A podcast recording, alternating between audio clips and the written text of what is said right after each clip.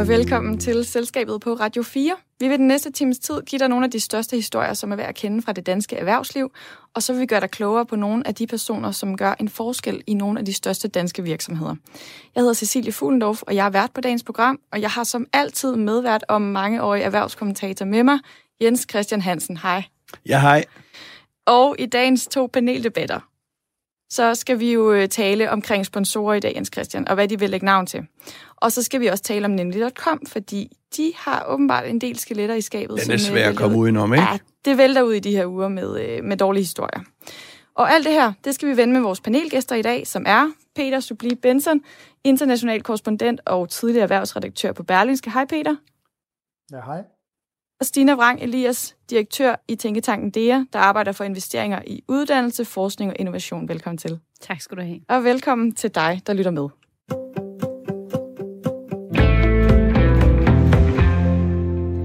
Før vi lige går til øh, sponsorsnakken, Jens Christian, så har du nogle øh, erhvervsnyheder med, som lige, vi skal have et lille overblik. Ja, lad os lige få et lille overblik. Uh, først skal vi til DSB, fordi ja. er der nogle af jer, der kører med tog? Yes, det gør jeg hver dag. Jamen, så kan du glæde dig. Fordi Ej, DSB har lige bestilt tog for 20 milliarder kroner. Så for søren. Altså, de har bestilt øh, 20 nye togsæt. Jeg tror ikke, den er helt på plads endnu. Øh, hos det franske selskab Alstom. Øh, det hedder Coradia Stream, og det er eltog. Mm-hmm. Og mhm. det er jo øh, meget, meget, meget interessant. Jeg tror, at vores anden panelgæst, Peter, kan huske øh, den store IC4 jeg tror godt, jeg kan sige skandale her, og den startede jo sådan set for 20 år siden øh, med øh, en stor øh, levering af italienske tog for Ansaldo Bredo, mm. og det gik jo rigtig skidt. Jeg tror, vi fik nogle tog, og jeg tror også, de, de står derude på nogle stationer, hist og pist, men de kom jo aldrig op at køre. Og det var jo dieseltog. På et tidspunkt, hvor hele Europa skulle elektrificeres, jamen så købte øh, politikerne øh, dieseltog. Det gik rigtig, rigtig, rigtig skidt. Men nu har de altså indgået en ny aftale med det franske selskab Alstom, som jeg lige nævnte, på levering af 100 nye togsæt, mm. som skal leveres øh, successivt her frem til, til, til 24. Så du kan glæde dig, Stina. Men kan I ikke love mig noget? At de skal køre tiden? Nej, at vi en dag skal diskutere det, hvor uh, diskutere, altså det er virkelig, altså, altså som pendler, så har man meget stærke pendlerfølelser og følelser omkring DSB. Så øh, jeg er klar på en hvilken som helst debat om det. Jamen, kan du lide DSB, eller kan du ikke lide DSB? For jeg føler ligesom, at, det, at det, folk hader øh, DSB, eller elsker DSB. Jeg har sådan, jeg elsker at køre tog. Jeg er ikke imponeret af DSB. Hvem elsker DSB? Øh, det... Jamen, men, men man kan godt elsker at køre tog, uden, og, altså, for ja, det gør jeg virkelig. Det er det. Altså. Men jeg føler, at folk elsker at have DSB. Ja, men det tror du, du har ret i. Jeg tror da, hvis man skal være lidt retfærdig over for DSB, så er det jo også noget med, med, øh, med de der systemer og signaler, som DSB ikke har noget at gøre. Det kan man så have en Men altså, undskyld mig, nu kommer vi lige til at diskutere, men jeg tænker, hvorfor er der ikke nogen, der har taget ned... Altså, hvis du nu er på en banegård i Schweiz, der har de sekundviser.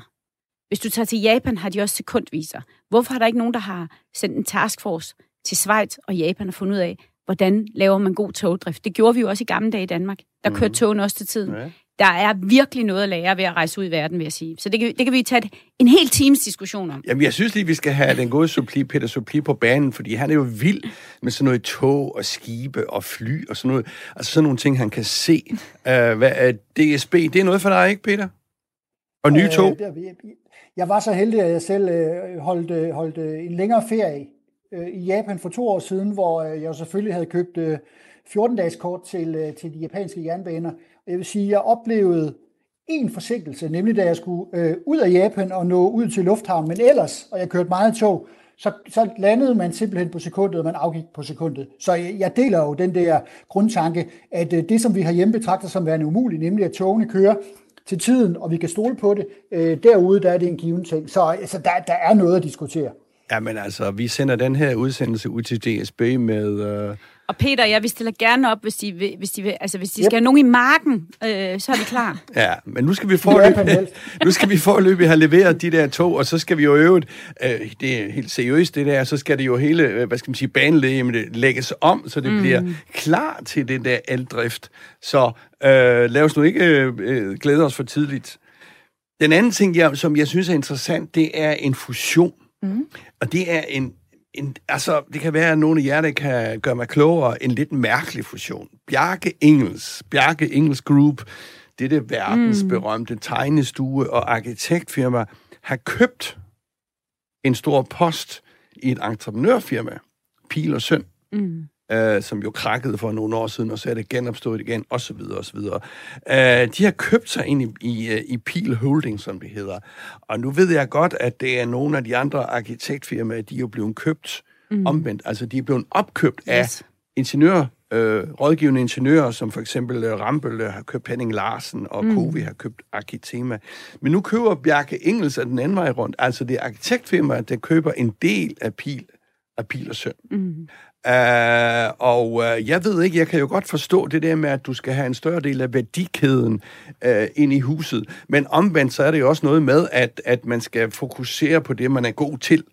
Uh, så, så, så hvad mener I om sådan en funktion der? Altså, at det hele uh, ryger ind i en stor boble? Altså, for mig kan det faktisk give meget god mening på den måde. Nu er jeg, sidder jeg med i, uh, i min anden arkitektkonkurrence, fordi vi i BAF-fonden, hvor jeg sidder i bestyrelsen, skal bygge øh, håndværkskollegier. Og noget af det, altså når man så får sådan nogle øh, tegninger ind, så sidder jeg jo som lægmand og synes, at det ser bare super fantastisk ud. Og så lige pludselig så begynder øh, de at spørge ind til, jamen hvordan med lysforholdene, og kan det her bygges, og hvordan, hvor meget vil det koste at forligeholde det, og hvad med de vinduer i forhold til de vinduer? Så jeg kan, godt, altså jeg kan sådan set godt se, at det giver mening, øh, at det ville være betryggende for mig som siddende i en arkitektkonkurrence, hvis de også havde den del øh, mere med, kan man mm. sige. Og jeg taler jo her som fuldstændig lægmand, som for anden gang i mit liv øh, sidder i en arkitektkonkurrence, og det er super spændende, men, men, øh, men jeg kan godt se, at det giver mening med det. Jeg tror også, det er det, de argumenterer for, ja. at frygten for, at det skal falde nogen ned mellem forskellige stole. Men jeg tænker bare på, altså hvis du er så bred i din indgang til det, så mangler du måske fokus. Peter, hvad tænker du? Var det et spørgsmål? Ja, Ja, okay.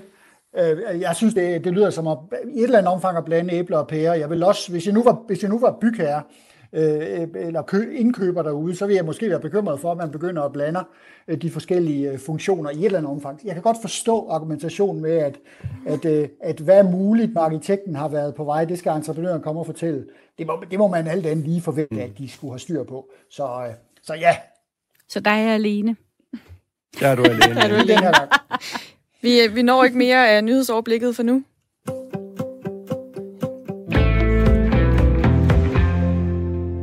Til gengæld så er vi klar til at vende dagens første emne i paneldebatten i dag, og vi skal tale fodbold, sponsorater og politik, fordi det er tre ord, der nok er nøgleordene i en af de største debatter, der, der er lige for tiden. Det handler om VM i Katar, som skal spilles næste år med værtslandet Katar, har altså en del problemer med menneskerettigheder. The Guardian har kunne fortælle, at over 6.500 migrantarbejdere er døde øh, i forbindelse med at bygge de her stadioner siden 2010, hvor de fik øh, tildelt øh, øh, øh, at være værtsland. Og den her debat har faktisk fået alle til lidt at pege fingre alle. Fordi skal det danske landshold tage til VM og spille, og på en eller anden måde vise, at de støtter op om, at vi spiller i Katar? Ja, siger DBU, som er Dansk Boldunion, fordi de synes, at det er med til at sætte fokus på menneskerettigheder i landet, ved nemlig at gennemføre et VM der. Politikere i enhedslisten siger nej, mens andre politikere som Venstre og regeringen siger, at fodboldlandsholdet ikke skal tage sig af politiske dilemmaer. Og ingen kan rigtig blive enige om, hvor ansvaret ligger. Men nu er der en af hovedsponsorerne til landsholdet, Arbejdernes Landsbank, som har sagt nej. De vil ikke være med til det her. De vil opsige samarbejdet med DBU med øjeblikkelig varsel.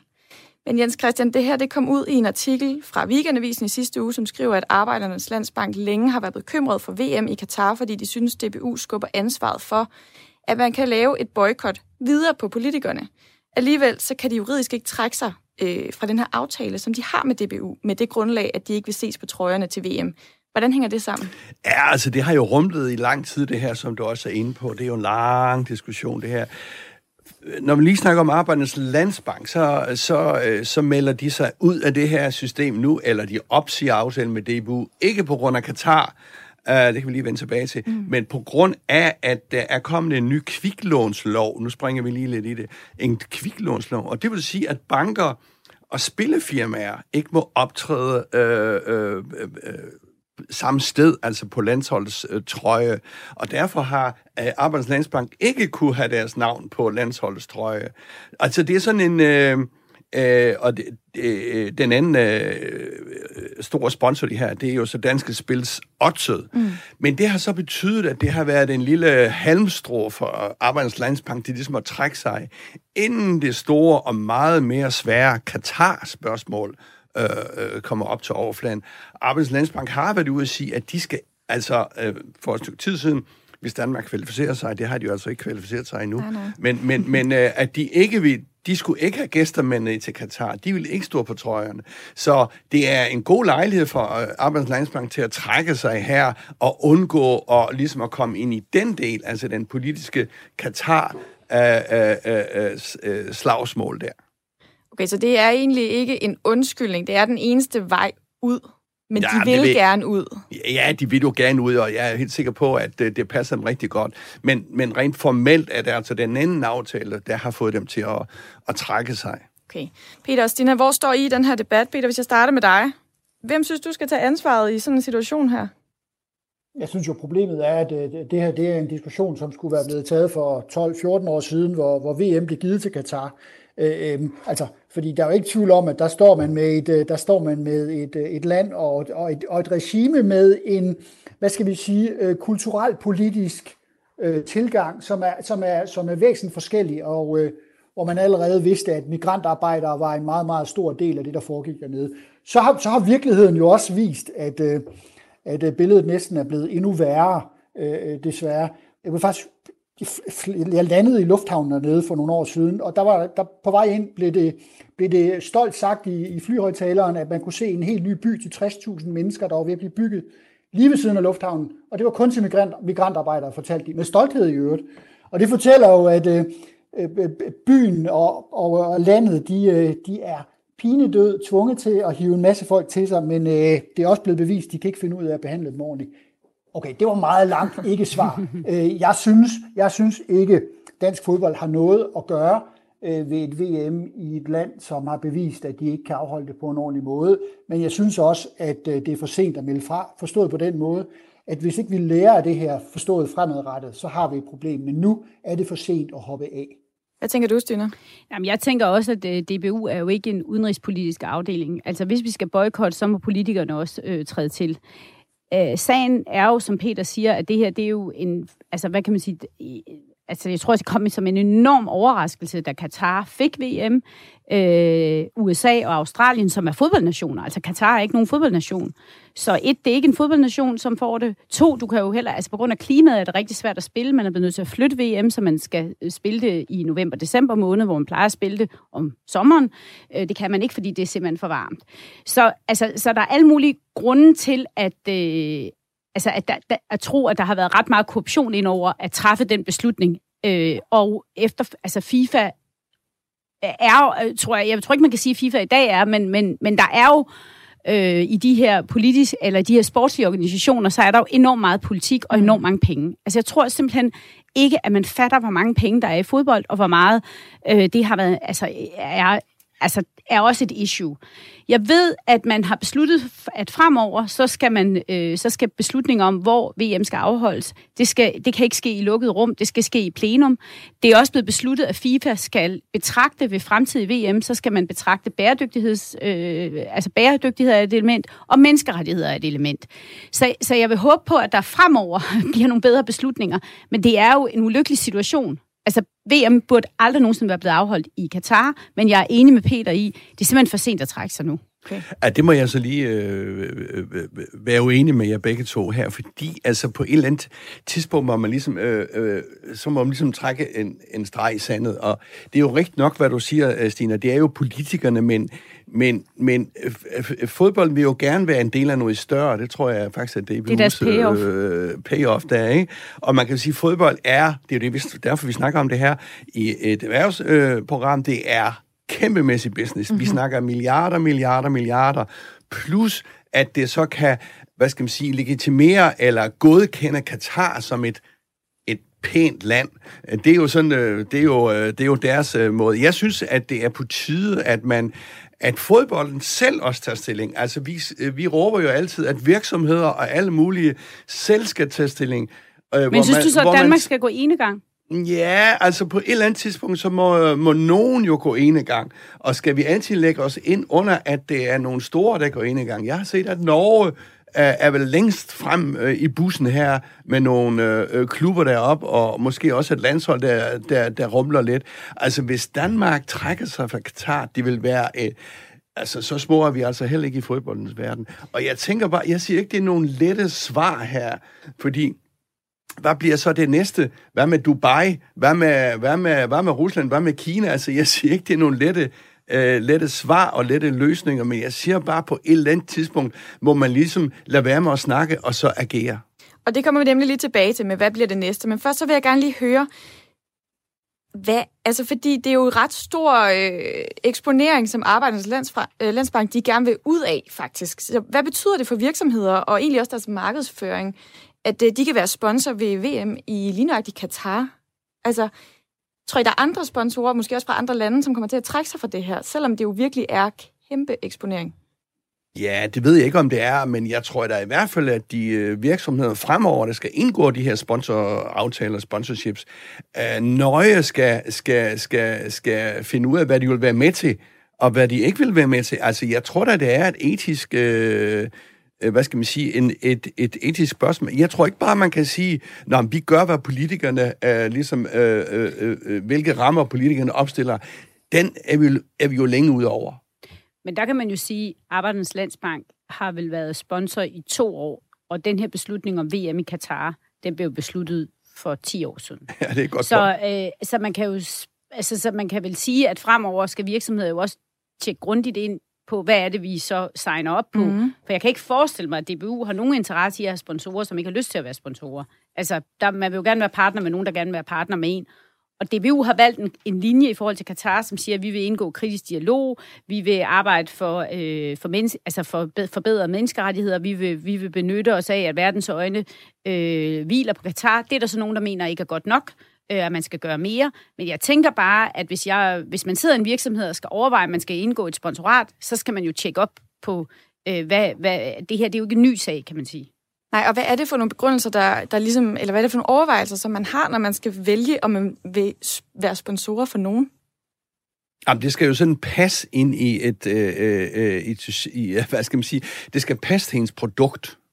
Uh, altså, er du international, så kan du jo uh, uh, så kan du have cykelhold, for eksempel, nu at nævne noget som, som sponsor. Fodbold er, en verden, fodbold er nok den eneste total verdensomspændende idrætsgren, og den største af alle idrætsgrene. Uh, VM i fodbold er det største event overhovedet på, på jorden, og så videre, og så videre. Men altså, enhver virksomhed skal jo det til at passe ind i, de skal jo kunne bruge det der sponsor, øh, sponsorat til noget, og det, det, øh, det, og det har de jo fuldstændig styr på. Den anden del, de måske ikke helt så meget har styr på, det er den, det vi snakker om her, altså, hvad kan vi lægge navn til, og hvad kan vi ikke lægge navn til ud i sådan den, hvad skal man sige, etiske verden. Peter, hvad betyder det for, øh, for øh, hvad betyder det for DBU, at Arbejdernes Landsbank, de siger stop til det her? Altså måske både økonomisk, men egentlig også brandmæssigt. Ja, økonomisk er det klart her og nu, der, øh, der, det er et problem, selvom de har en aftale, de skal vikle sig ud af, så de sikkert går øh, øh, fremover. Jeg tænker på, hvem pokker det er, der, der den næste, der skal være på trøjen, ud over statsejet øh, øh oddset, fordi, fordi det, de her overvejelser, de er jo lagt frem til fri skue, til frit skue nu. Så det vil sige, hvis, øh, hvis vi nu leger med, at øh, den gamle sponsor Arla tænkte over det, som i øvrigt er stor i Mellemøsten mm. også, så de har også en masse politiske tanker, de skal gøre sig. Vil de så have lyst til at lægge sig potentielt ud med en masse danske forbrugere, som er blevet bevidst om, hvad pokker det er for noget stats, der er foregået i Katar, eller øh, Carlsberg, nu ved jeg godt, at alkohol sikkert ikke kan være på trøjen, måske i muslimsk land, men, men, men ikke desto mindre, det, det som jeg siger, det er bare, at jeg synes, det er blevet en, det er blevet en lidt... Øh, smussy trøje, som, øh, som de her virksomheder skal deres navn på, og det gør bare, at det bliver svært for, øh, for DBU fremadrettet. Jeg tænker, hvis jeg bare lige må tage den uden for, for grænserne, altså, øh, jeg mener, Coca-Cola stadigvæk er, er en af de helt store sponsorer. Hvis, hvis det her billede af, af samarbejdet med et land, som behandler folk på den måde, som Katar nu har gjort, det breder sig, og det ryger ud til dig og mig og alle vi forbrugere, som går i kiosken eller i, øh, i supermarkedet og køber sodavand. og, og du, du begynder at få den til at sidde på skærmen. Det er jo det, som du som sponsor ikke har lyst til. Mm. Mm. Så, så, så, så potentielt så kan problemet blive, blive stort også for andre end for DBU, og det, det, jeg håber jo sådan set, det bliver det, fordi at, at den, der, den der åbenhed og det at diskutere det, det er det, der kan være med til at, at ændre noget. Stine, er du enig i, det er en smudsig trøje, folk skal lægge navn til der? Øh, det synes jeg, jeg, jeg kan godt forstå, at man som virksomhed øh, ville skulle overveje det, øh, og, øh, og jeg vil også sige det sådan, jeg kan godt se, at DBU har et, et, et problem på kort sigt. På lang sigt, så tror jeg ikke, det danske landshold øh, og DBU vil have problemer med at finde sponsorer, når vi kommer på den anden side af det her. Men det er da klart, at, det, at på kort sigt er det, er det en udfordring. Og jeg tænker jo tilbage i min ungdom, der, jeg husker masser af boykot fra min ungdom. Altså øh, Shell for eksempel, der var, jeg, kendte, jeg havde rigtig mange venner, som nægtede at købe, øh, og som, som nægtede at tanke på Shells øh, tankstationer. Jeg kan huske Sydafrika, det var en meget, meget, altså det var jo en, det var jo en boykot, øh, på grund af menneskerettigheder, altså den apartheid-styret. Mm. Øh, og jeg kan huske, at jeg har siddet på, på universitetet og diskuteret, kunne man overhovedet høre Paul Simons musik, fordi Paul Simon var taget til Sydafrika og havde optaget det musik i et, i et studie. Og der var jeg selv af den overbevisning, at jeg skulle ikke købe noget Paul Simon. Så, altså, så man skal fransk, jo ikke... Fransk vin måske? Fransk vin. Øh, nå, men i Frankrig var der da altså øh, boykot af franske varer. Jamen altså, øh, så, så det er jo, det er jo et, øh, hvad kan man sige, det er jo et våben, som vi alle sammen ejer. Hvor ligger vi vores penge? Og det er jo også et våben, som virksomheder ejer. Hvor ligger de deres penge, og hvad vil de bakke op om? Øh, og de to ting er jo tæt forbundet. Jeg tror bare, at forbrugere er stærkere. Altså, øh, man kan så diskutere, hvad betyder det? Man kan sige, Shell eksisterer jo stadigvæk øh, i en eller anden form. Uh, selvom vi, uh, vi sagde, at de slog uh, Men de har også børn. gjort noget, ikke? Jo, det har jeg ikke sådan fuldt med i. Det har de vel, uh, uh, er det specielt i Nigeria og alle de der steder der. Uh, uh, men, men, men altså, nu brager den jo op igen her i Katar. Jeg har selv været i Dubai uh, og set, uh, set uh, og hvorfor jeg nævner jeg det, det gør jeg, fordi Dubai, eller de ejer for eksempel PSG, mm-hmm. tror jeg det er, uh, som, uh, som eller det Manchester City, en af de store fodboldhold uh, i, i, i Europa. Så, så uh, pointet er bare, altså, hvor, hvor starter og hvor slutter det her? Men der er der ikke nogen, altså jeg tror da, at der er en virkelig vigtig pointe i det her, og det er, at hvis virksomhederne begynder, og sponsorkronerne begynder at trække sig, så ligger det jo et pres på FIFA. Altså det, gør, altså det, det ligger jo et pres på DBU, og derved kan man også lægge et pres på FIFA. Så på den måde kan man sige, så sker der, altså så kan man jo så sker der noget. Men tror jeg også, det her spreder sig altså blandt øh, fodboldfans, som begynder at tænke over, hvem er det, der ejer de her øh, fodboldklubber, som jeg holder så meget med? Det tror jeg. Jeg så lige øh, i dag, at Brøndby-fansene, øh, og det er nogle hårde, hårde, hårde nyser derude på Vestegnen, de siger så til debut, boykot, øh, boykot øh, dansk øh, fodbold i Katar. Mm-hmm. Ikke? Ja. Og det er jo fodboldelskere, må man gå ud fra, som øh, ser frem til at se øh, dansk øh, funktion. De kommer nu ud, øh, så jeg tror, mange af de der øh, fodbold fodbold, øh, fodboldfansgrupper, som jo er meget stærkt organiseret og øh, øh, har et, øh, et meget stort ord at, at skulle have sagt. Men, men omvendt så, jeg nævnte lige de der store klubber, altså Manchester City i England, en af de største klubber, øh, ejes af Sheiken i, i, øh, i Dubai. PSG, en af de største, øh, øh, øh, den største klub i Frankrig, ejet af Qatar mm. Investment, altså mm. af Sheiken i Qatar. Så, så der er mange her, øh, øh, der er mange problemer at tage stilling til, det er bare det, jeg siger. Ja, og så kan man jo sige, at hvis man er sponsor for DBU, så er man jo ikke alene sponsor for det danske landshold, så er man jo sådan set også sponsor for hele den bevægelse, der hedder en del af noget større, fodboldskoler og alt muligt andet. Så jeg tror ikke, vi, altså jeg tror, vi har en interesse i, at få løst den her konflikt, øh, og øh, har en interesse i at finde et leje øh, for det. Fordi der er ikke nogen af os, der er tjent med, at det danske, altså at DBU ikke har sponsorer, fordi de gør rigtig meget, som er noget andet end, end øh, lige landsholdet. Peter, lige på falderæbet. Jeg bare... Ja, ja, kom ind. Nå, men jeg vil bare lige tage en hurtig parallel så, fordi for tre-fire år siden blev der holdt øh, skive-EM, øh, i hvert fald for langrand og lignende, i, øh, i Sochi. Øh, yes. Det var et prestigeprojekt for Putin. Der blev, øh, der blev viste det sig øh, dyrket doping svindel i en grad, som verden aldrig har set. Men det, det gode ved det er, at det blev afdækket på samme mm. måde, som Katar er blevet mere og mere. Så at sige klædt af. Øh, og det har jo gjort, at, at Rusland er fuldstændig uden for det gode selskab, når det gælder nærmest alt, øh, alt sport og atletik, og må ikke optræde under eget flag. Øh, og, og det er jo, om ikke andet, så er det det, vi kan håbe, at vi mm. får peget, ikke bare peget fingre og snakket lidt i krone, men får råbt det rigtig højt, og så får handlet på det. Øh, så altså, jeg går altså ikke ind for, at vi skal boykotte nu. Nu skal vi hamre rigtig tungt, i øvrigt også journalistisk, igennem på Katar og, og det folk og den måde, som de går til deres, deres, deres arbejder på. Og gør vi det, så rammer vi dem. Vi, vi når simpelthen ikke mere første paneldebat, men øh, det bliver virkelig spændende at se, hvor alt det her det ender henne.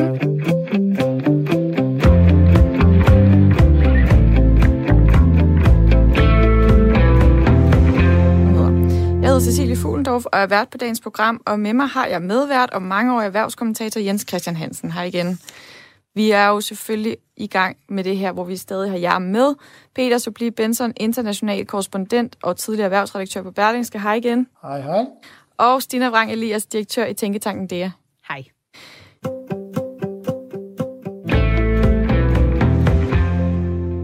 Og vi skal til dagens anden paneldebat, og det handler om en virksomhed, som vi faktisk talte om for ikke så længe siden her i selskabet. Det er nemlig.com, som du for et par uger siden fortalte om, Jens Christian.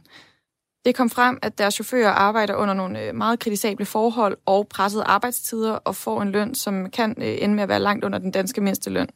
Men altså, en ulykke kommer sjældent alene, og det gør den heller ikke, når man fylder i avisspalterne, fordi nu er det kommet frem, at det ikke kun er chaufførerne, men også medarbejderne på nemlig.coms lager, som har dårlige arbejdsforhold.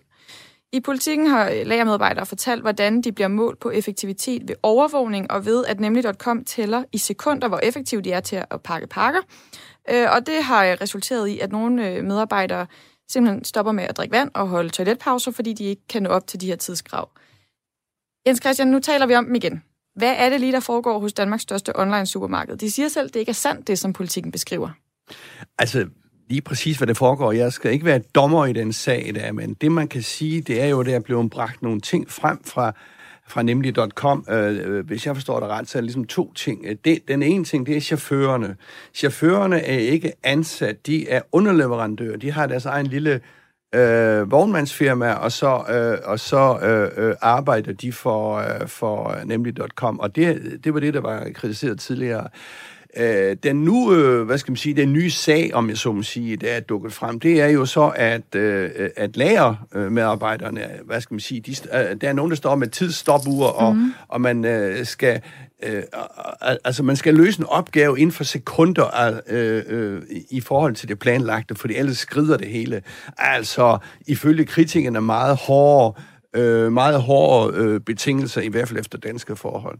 Og så er det jo, altså den er jo så eksploderet, den her sag, for en ting er, at øh, det er så beskrevet de, øh, de øh, arbejdsforhold i politikken, men endelig langt om længe, så kom øh, nemlig .coms øh, direktør, Stefan Plinge, så ud og øh, efter først har sagt, ja, vi må også gøre det bedre, bla bla bla, og det gik kødet på politikken og kaldte det en smedekampagne og sagde, at det var lidt for sagt, øh, løgn og latin, øh, hvad der blev sagt og skrevet, det var ikke rigtigt. Så der står den ligesom nu, øh, sådan rent kommunikationsmæssigt i hvert fald. Hvem tror man på?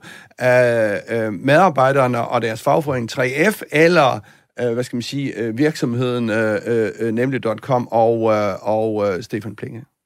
Og øh, hvorfor kommer det her frem nu? Fordi det er jo, som du siger, 3F, der også har været ude og kritisere de her forhold, men de har jo været med længe. Jo, de ved jo altså, godt, hvad der foregår, tænker jeg. Ja, og jeg synes også godt, man kan kritisere 3F ret meget her.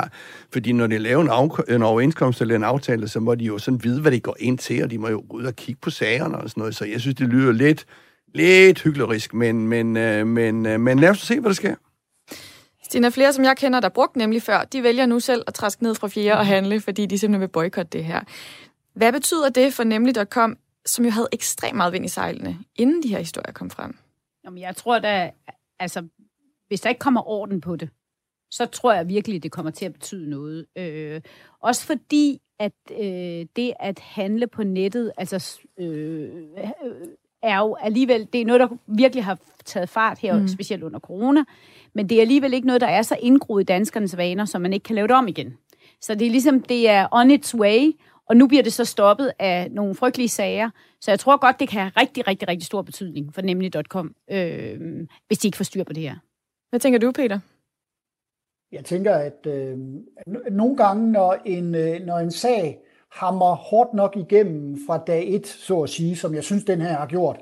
Og, og når jeg siger det på den måde, så er det fordi, den har nogle ingredienser, hvor man taler om mennesker, der måske er blevet misbrugt, og, og, og, og nogle altså sådan næsten slavelignende forhold.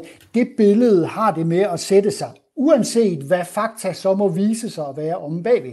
Og det er problemet for øh, Plenge, og det er problemet som er, som er direktør, og det er problemet for virksomheden, og det er problemet for storaktionær Anders Holk Poulsen, bestsellermilliardæren, som jo, som jo sidder på magten i virksomheden, at det her billede risikerer at sidde fast, uanset at man så, det så viser sig, at, øh, at det ikke er så slemt. Og i øvrigt, altså 3F har holdt møde, hvis jeg har hørt rigtigt i dag, eller var det i går, med, øh, med virksomheden, og man har aftalt at tale videre, så at sige. Så, øh, så, så, så, så der, bliver, der bliver arbejdet, men vi kender ikke det sande billede, men jeg tror bare, altså, jeg, jeg tænker, hmm, jeg tror lige, jeg holder en pause med den virksomhed, mm. øh, fordi det, det vil jeg godt have afklaret, og så kan det være, at det også bliver en grim vane for nemlig, at jeg ikke kommer tilbage. Jeg vil også sige, altså hvis man har set, hvis nogen af jer har set den film, der hedder Sorry We Missed You, som er Ken Loaches film, fra, som var fra før, lige før coronanedlukning, som handler om øh, chaufførernes forhold øh, i sådan nogle øh, fragtfirmaer, som jo er underlyttere, du lever ejer din egen vogn og alt det der. Så får man bare sådan, det kan man ikke bidrage til. Okay. Altså, det vil jeg sige, altså, som sådan, det, det, er bare ikke, det er bare ikke et arbejdsmarked, vi kender i Danmark, og det ønsker vi ikke at have. Så, øh, så, så, så hvis jeg var nemlig.com, så ville jeg simpelthen skynde mig at få styr på det der ASAP. Jeg tror også, det er nogle øh, diskussioner, og nu nævnte Peter jo lige hovedaktionæren Anders Holk Poulsen, som jo har penge nok til at studere, øh, studere her igen, med ingen tvivl om det, øh, men øh, som nu for første gang har sagt noget her. Og jeg tror, man skal lægge mærke til, hvad han siger. Han siger, at øh, forholdene må bringes på plads. Mm.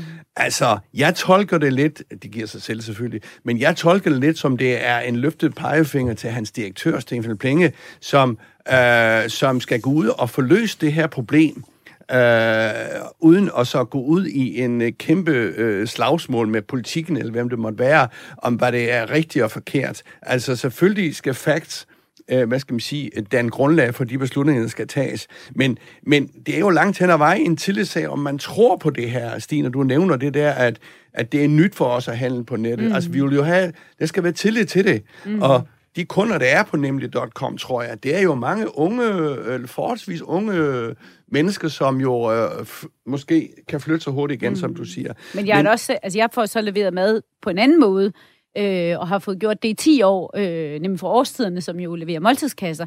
Og da jeg var oppe og handle i deres gårdbutik her for den dag, så tænkte jeg også, er der nogen, man egentlig kan spørge om, hvad er det for nogle vilkår, de har? Mm. Ja, altså lige pludselig ja, ja. får man en helt anden bevidsthed om, øh, super dejligt kommer hver mandag morgen, men, men øh, altså nu tænker jeg, at de er meget bæredygtige, så derfor tænker jeg også, at de har en bæredygtig øh, forretningsmodel, som også behandler deres chauffør ordentligt. Men man tænker der over det. Men det er vel en tendens i, at vi alle sammen tænker mere over, hvem, øh, hvordan har dem altså dem, dem vi støtter, hvordan har de det egentlig på deres arbejdspladser? Hvordan har virksomhederne? Hvordan bliver maden lavet? Altså det er vel en, en virkelig stigende tendens, så det rammer jo ret uheldigt det her. Ja, det tror jeg da, det gør. Altså, øh, ja, ja, der er nok mange, der er ret ligeglade. Øh, tror jeg, du det? De ja, det tror jeg. Jeg kan huske den der øh, en gang, for, da vi lavede ned på, da jeg var på Berlinger, der lavede vi en historie fra, øh, fra, fra Bangladesh, tror jeg det var, hvor, hvor Jysks øh, Lars Larsen fik øh, farvet deres ting og produceret deres ting under slavelignende, dårlige forhold, hvor de gik i gift osv. osv. Ret stor sag, der poppede op. Uh, Jysk kunne ikke se det på deres omsætning på det tidspunkt. Men jeg tror da, du har ret så langt hen ad vejen, at det er, altså, den bevidsthed er trods alt blevet større i dag. Mm. Det tror jeg på. Men noget, man jo tænker over som virksomhed, det er selvfølgelig både branding over for forbrugerne, men det er jo også branding øh, over for medarbejdere og potentielle medarbejdere. Kan det blive et problem, at der simpelthen de kommer til at mangle nogen, der har lyst til at arbejde for dem, fordi de ikke har lyst til at arbejde under de her vilkår? Hvad tænker du, Peter? Hmm, ja, jeg er sådan set lidt i tvivl. Altså, øh, nu ved jeg godt, der i hvert fald for visse typer på arbejdsmarkedet er mangel på, på kvalificeret arbejdskraft. Men, men, øh, men hvis vi må tillade os at sige, på de, på de, på de lavere niveauer, for mm. eksempel transport og service, der virker det til, at fødekæden i form af arbejdskraft fra blandt andet øh, fattige EU-lande er relativt stor jo. Øh, så, så det tænker jeg faktisk løser sig. Jeg, jeg, jeg, altså, nu er nemlig blevet udskammet, og vi må igen, vi ved simpelthen ikke, hvad der er fakta om bagved, og det synes jeg bare er væsentligt at sige lige nu.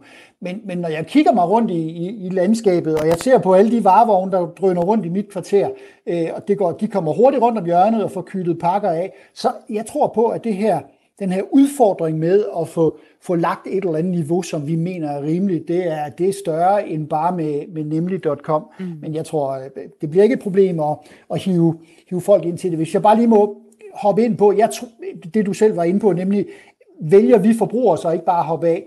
Og jeg vil ønske, vi gjorde det. Mm. Men, men sandheden er vel, at vi ikke ved så forfærdeligt meget om de varer, vi køber, når alt kommer til alt. Lige nu kører der en, en kæmpe sag, øh, som har, har svensk afsæt, nemlig øh, H&M og Kina, øh, hvor, hvor H&M på et tidspunkt kom for skade at sige noget dårligt om, om en provins i Kina, hvor der er tvangsarbejdere, der med stor sikkerhed plukker det bomuld, som så ryger i H&M's tøj. Jeg ved ikke, hvor meget man tænker på det, når man går på, i, i en af butikkerne på strøget. Altså, så, så jeg tror, vi, vi vil gerne være renere, end vi i virkeligheden er. Christina? Jamen, bare øh, to pointer. Den ene er det her omkring det ufaglærte arbejdsmarked. Der har ret store dele af det ufaglærte arbejdsmarked, det traditionelle ufaglærte arbejdsmarked, som er under pres på grund af globalisering og automatisering. Og det vil sige, at den her type af arbejde, altså det nye ufaglærte arbejde, øh, som opstår i kølvandet på nethandel og den slags, jamen, der vil, være, der vil simpelthen være nogen, som vil tage det arbejde. Øh, og som er i en situation, hvor de, det, de kan, altså, det, det, det, det, det er de muligheder, de har, øh, og derfor er de jo også enormt sårbare, øh, og derfor har de behov for at blive beskyttet af det danske arbejdsmarked og den danske arbejdsmarkedsmodel. Det vil være den ene ting, jeg vil sige. Den anden ting, jeg vil sige, det er, men det danske arbejdsmarked er jo så også udfordret af, at der netop kommer den her nye type af øh, services, som vi skal øh, øh, som vi skal finde nogle måder, hvorpå vores overenskomster egentlig også kan rumme dem. Altså, jeg tænker på platformsøkonomi, og altså, der, der kommer jo nogle, altså, vi er, vi opfører os anderledes. Øh, og det moderne arbejdsmarked er jo anderledes end det traditionelle arbejdsmarked. Og det er jo også, det er også noget af det, som, som nemlig.com jo anfører, det er det her med deltidsansættelser og den slags. Så, så øh, jeg er enig med Peter Supli i, vi skal lige vide, hvad der er op og ned i det her. Og så, må, så skal vi finde en måde, hvorpå at de danske overenskomster kan omfavne de nye tendenser på det danske arbejdsmarked. Øh, for det er rigtig vigtigt, fordi det også er nogle af de mest sårbare på det danske arbejdsmarked, der tager arbejde på, i de her steder. Ja, man kan jo, hvis man går til, til udlandet og dit andet hjemland, Stine, hvor jeg har boet i tre år, der kan du jo, der er det mange af disse øh, ufaglærte lavtlønsarbejde, de skal simpelthen have to, øh, to job for at få det ting sammen. Ikke? Her snakker vi. Og, Ja, her snakker vi USA, og, øh, og fagforeninger er, er, er forbandet langt væk. Ja. Der er jo kampe i Amazon.com i øjeblikket, om, man, og, og, om, om de overhovedet øh, må, have af, øh, må have fagforeninger. Mm. Og, og som øh, Stine siger her, det er jo det er jo løsarbejdere, det her. Vi så det også med Volts, denne transport, øh, hvor de cykler rundt i byen. Mm. Uh, du kommer ind fra Argentina, du er her i tre, uh, tre måneder, og så tjener du penge. Uh, altså, sådan set et, et, et, et godt initiativ langt hen ad vejen, synes jeg, uh, at man lige kan komme ind, kan tjene nogle penge, og så rejse igen. Det synes jeg er fint at opleve landet. Men og det er så, øh, den skal selvfølgelig være i orden. Arbejdsforholdene skal jo være i orden, og der er vi nødt til at have nogle skrappere regler, end, end, end, øh, end, øh, end, end nødvendigvis arbejdsgiverne selv øh, altid øh, kan stå for. Jens Christian, da du fortalte om øh, chaufførerne arbejdsforhold her i, i, i sidste uge, der var der jo den pointe, som du også nævnte tidligere, at de var ansat selvstændigt. Og, og nemlig.com kunne lidt lettere ligesom, øh, holde det lidt ud i strakt arm hvilken situation står de i nu? Det er jo hos dem. Altså det... Jamen altså, sådan som jeg forstår det på de sidste dages øh, debat, så kræver øh, fagforeningen 3F øh, jo, at øh, disse chauffører skal organisere sig, eller de skal i hvert fald have en aftale, for ellers vil de blokere, altså det er sådan set meget alvorligt det her, ellers vil de blokere øh, for øh, nemlig.com. Det er i hvert fald trussen, som jeg hører den. Øh, jeg ved ikke rigtigt, men det er jo selvstændige vognmænd, så, så om man kan sætte nogle krav op, det er ikke skarpt nok på det der arbejdsmarkedsforhold. Det kan være det andre her i studiet og i øh, der er med i dag, der, der, der ved noget om det. Jeg synes øh, umiddelbart, at 3F sådan er lidt på lidt tynd is her, eller hvad? At, at, jeg skal lige gentage spørgsmålet. At 3F er lidt på, på tynd is. Altså i forhold til chaufførerne, eller i forhold ja, til... Ja, nej, altså i forhold til chaufførerne, som er selvstændige underleverandører, altså vognmænd, som så byder ind, hvis jeg forstår det ret. Men hvis man er selvstændig, så er man jo ikke nødvendigvis, så er man jo ikke omfattet af en øh, overenskomst. Hvis du ikke er omfattet af en overenskomst, så er du ikke 3F, så er du ikke, så er du ikke altså nu, du, jeg er ikke arbejdsmarkedsekspert på Ej. den måde, men jeg vil bare sige, at det er klart, at 3F jo selvfølgelig går ind i sagen omkring lagerarbejderne, mm. fordi der har man jo også haft en overenskomst, ja. ikke? Øh, som man så, op, som man så øh, oplever ikke bliver overholdt, og derfor øh, opsiger 3F'en. Men jeg kunne forestille mig, at det forholder sig anderledes for så vidt angår de selvstændige øh, chauffører. Øhm, og det er jo netop at det, altså det er jo også det hele Ken Loaches film handler om, altså at, at du bliver fanget jo, hvis du er, øh, hvis du er en, en selvstændig øh, chauffør. Øh, hvem er det så egentlig, der også beskytter dig? Mm-hmm. Og, så, så, men, men nu bliver det sådan lidt på tynd is. Det kan godt være, at du siger, at 3F er på tynd is, men jeg føler mig også på. Men lad os få den tidligere erhvervsredaktør på banen ja, her. Han må lige øh, skære ud i pap for os. Nej, det er klart, hvis du er ansat, øh, så, så, så er det en ting, og hvis du, er, hvis du arbejder som leverandør, så er det jo en anden virkelighed. Så kan du i princippet godt sælge din vare billigt. Mm. Det, kan, det kan 3F sådan set ikke blande sig i. Så er der nogle helt øh, grundlæggende arbejdsmarkedsregler for øh, øh, køre hviletid og, øh, og lignende, men, men alt andet kan de jo ikke blande sig i. Så det, det, det, det, det kommer ikke til at, at ske. Det skal være den anden vej rundt i hvert fald. Nu sidder vi jo også med to journalister her, som øh, helt sikkert har oplevet de her øh, historier op og vende mange gange, og så føler man måske, det, det, det, det dør lidt ud igen på et tidspunkt. Altså sådan en konflikt her, hvor at det er politikken, som skriver en masse artikler, og så går nemlig ud og siger, at det er simpelthen ikke sandt. Hvor ender den henne? Øh, kommer der til at ske noget, eller vil alle parter lidt sidde med armene over kors og sige, nej, vi har ret, indtil vi alle sammen glemmer, hvad der lige er sket? Altså, jeg tror, der kommer til at ske noget. Altså, vi har snakket om, at uh, Anders Holk Poulsen, ejeren, har været ud med et klart signal. Uh, så der skal ske noget internt. Og hvad det kan, uh, men det er jo ikke ens betydende med, at nemlig.com lukker, og det skal de jo heller ikke. De har mange gode ting, uh, tror jeg. De har jo skabt et par tusind arbejdspladser, uh, alt, uh, alt i alt uh, i, i, i nemlig.com. Men det, som jo ødelægger brandet her, det er jo, at næste gang om to år, eller hvad det er, så vil den her sag jo blive trukket op igen og igen. Uh, så, så, så det er et sårt dyr, uh, mener jeg. Er du enig i det, Peter? Ja, jamen, jeg tror da, prøv lige at høre. Jeg, har, jeg, har, hvis jeg, nu, jeg, jeg er i øvrigt ikke kun ved nemlig.com, men hvis jeg var, så har jeg alternativ øh, lige ved min mus, øh, så jeg kan gå på øh, Føtex, som, mm. øh, som jo lige er begyndt at hjemmelevere. Mm. Jeg kan tage øh, Coop eller Irma, som jeg tidligere har brugt som kan levere. Øh, så altså, jeg har et alternativ, og jeg har det lige ved min mus, så det vil sige, de mister kunder på det her, det gør de på den korte bane, og det bliver bare hurtigt vaner. Så er du rykket, så er du rykket videre som kunde. Så hvis, hvis det her billede er en virksomhed, der ikke behandler deres kunder, det, det, eller deres, deres ansatte, det hænger, det hænger altså meget hurtigt fast. Lad det være de sidste ord i øh, dagens anden paneldebat. Det var noget af dagens store emner.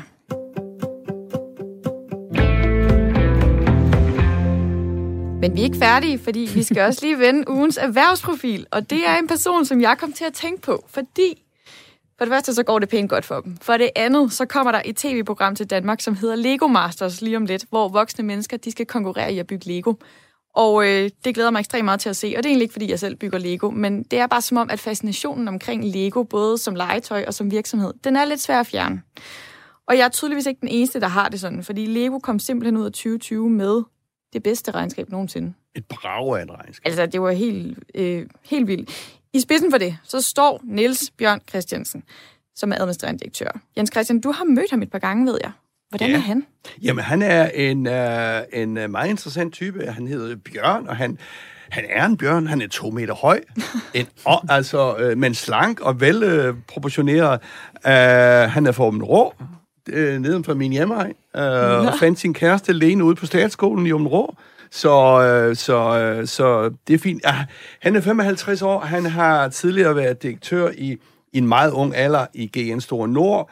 Han har været direktør, jeg vil sige, at øh, han reddede faktisk Danfoss fra en større nedtur, eller efter en større nedtur, så fik han styr på Danfoss, og nu i Lego. Altså, det er jo tre af vores ikoniske virksomheder, mm. som han har været inde i. Han er direktør i 30'erne, Øh, altså ikke i 1930'erne, da han var i 30'erne. Så en tidlig, øh, øh, øh, en tidlig øh, øh, direktørkarriere, han fik startet op. Han er ingeniør af uddannelse, altså for DTU. Jeg tror ikke, han er et legebarn som sådan. Han er effektiv, han er det, som de elsker i erhvervslivet, han kan eksekvere. Uh, og det er vel også det, vi ser i Lego her, fordi uh, de har jo i kort fortalt den historie der i 4, 5, 6 stykker, hvor det var rigtig problematisk. Så kom Knudstorp ind og reddede sådan set uh, Lego fra at gå helt i hunden og blive solgt. Uh, og så her i 16, 17, 18 stykker, 16, 17, der begyndte det sådan at flade lidt ud igen, den der uh, fremgang. Og så kom Niels Bjørn ind der for et par år siden og fik det, han kan nemlig, at ja. eksekvere og være effektiv og øh, øh, øh, se... Øh, jeg tror ikke, han det er ham, det, det opfinder produkter, eller ser de der legeting og, og muligheder, men han er sindssygt effektiv. Men der er der noget meget interessant i at være ingeniør, og så øh, ende hos Lego. Altså, det giver da på en måde meget god mening, tænker jeg. Stina, har du, øh, har du mødt Niels? Ja, det har ja. jeg. Og, øh, og han altså, er meget høj. Han er meget høj. nu er jeg jo selv 1,57, så der er højt op til 2 meter. Kan du også skrive under på, at han er høj, Peter? Så er vi ligesom øh, tjekket af alle steder. Oh yes. Yes, ja, godt så. kan han noget helt særligt, eller er Lego bare too big to fail nu? Nej, jeg, jeg vil sige, øh, han kan selvfølgelig noget helt særligt. Øh, fordi øh, når han, har, han har jo ikke bare ledet øh, Lego rigtig fint, han har jo også ledet Danfoss. Så tænker jeg også om, der, jeg kommer bare til at tænke på nu, når vi snakker om Danfoss og Lego, det er jo også to familie, øh, altså med stærke familieejede virksomheder. Øh, øh, og han, altså, han er jo sikkert også utrolig dygtig til at, øh, at finde en rigtig balance i at, at drive forretning og have familien med. Mm. Øh, så jeg tror, øh, jeg, jeg, jeg forestiller mig, at han er en ingeniør, som også har meget godt menneskekundskab, og så er der utrolig mange dygtige mennesker omkring ham jo i Lego, som, som øh, ligesom der var i Danfoss og GN Stor Nord, som jo øh, som er dygtige til at udvikle øh, Legos kreative øh, profil og, og, og, og, og sikre den side af sagen. Øh, så jeg vil forestille mig, at han også er rigtig dygtig til at, samle teams omkring sig. Mm. Altså teams af dygtige mennesker omkring sig.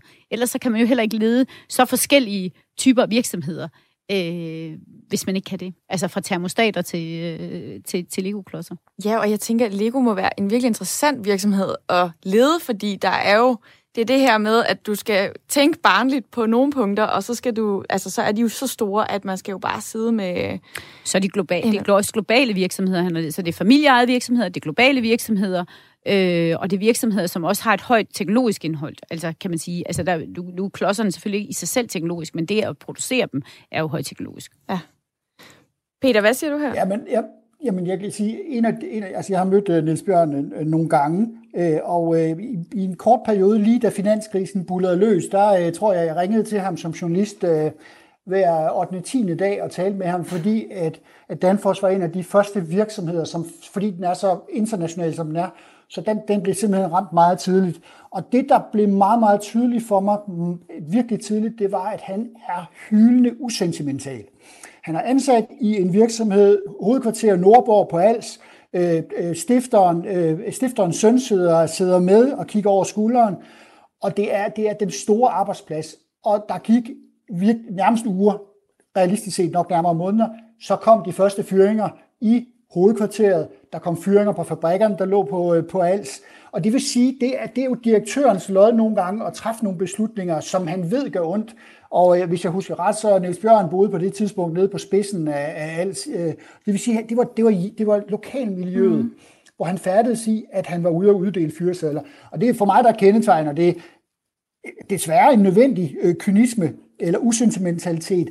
Øh, og og det, øh, det var med til at gøre, at Danfoss blev trimmet på et tidspunkt, hvor de virkelig var ude og potentielt at balancere. Og jeg tror også, det der foregik dengang, var med til, at han jo efterfølgende røg ind i bestyrelsen for, øh, for AP Møller øh, og AP Møller Mærsk. Øh, han var længe udset også som en absolut topkandidat til at blive øh, topchef der.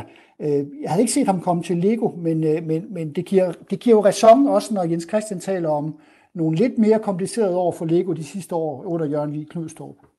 Altså, hvis jeg lige kan... Det der med familien betyder rigtig, rigtig meget, Stina. Det var det, du var inde på det der, ikke? Altså, du skal have en...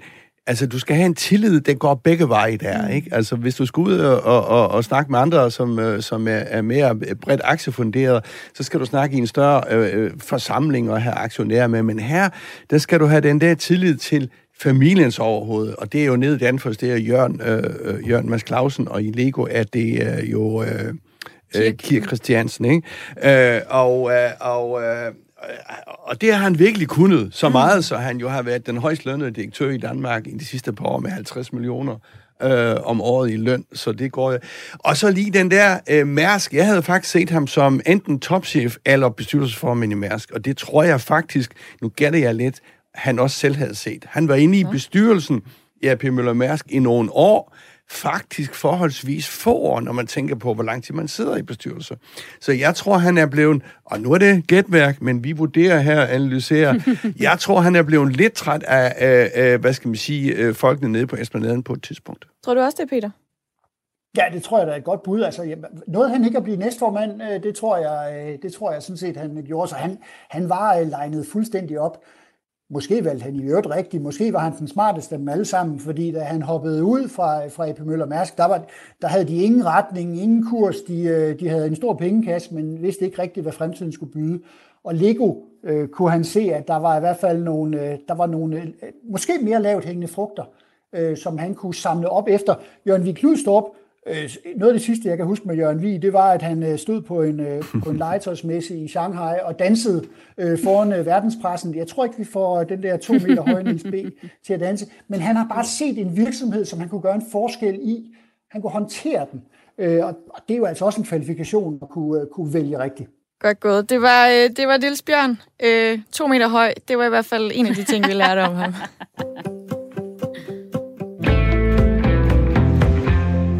Og det var faktisk alt, vi nåede i selskabet i dag. Tusind tak, fordi I vil være med. Stina Rang Elias, direktør i Tænketanken DEA, og Peter Supli Benson, international korrespondent.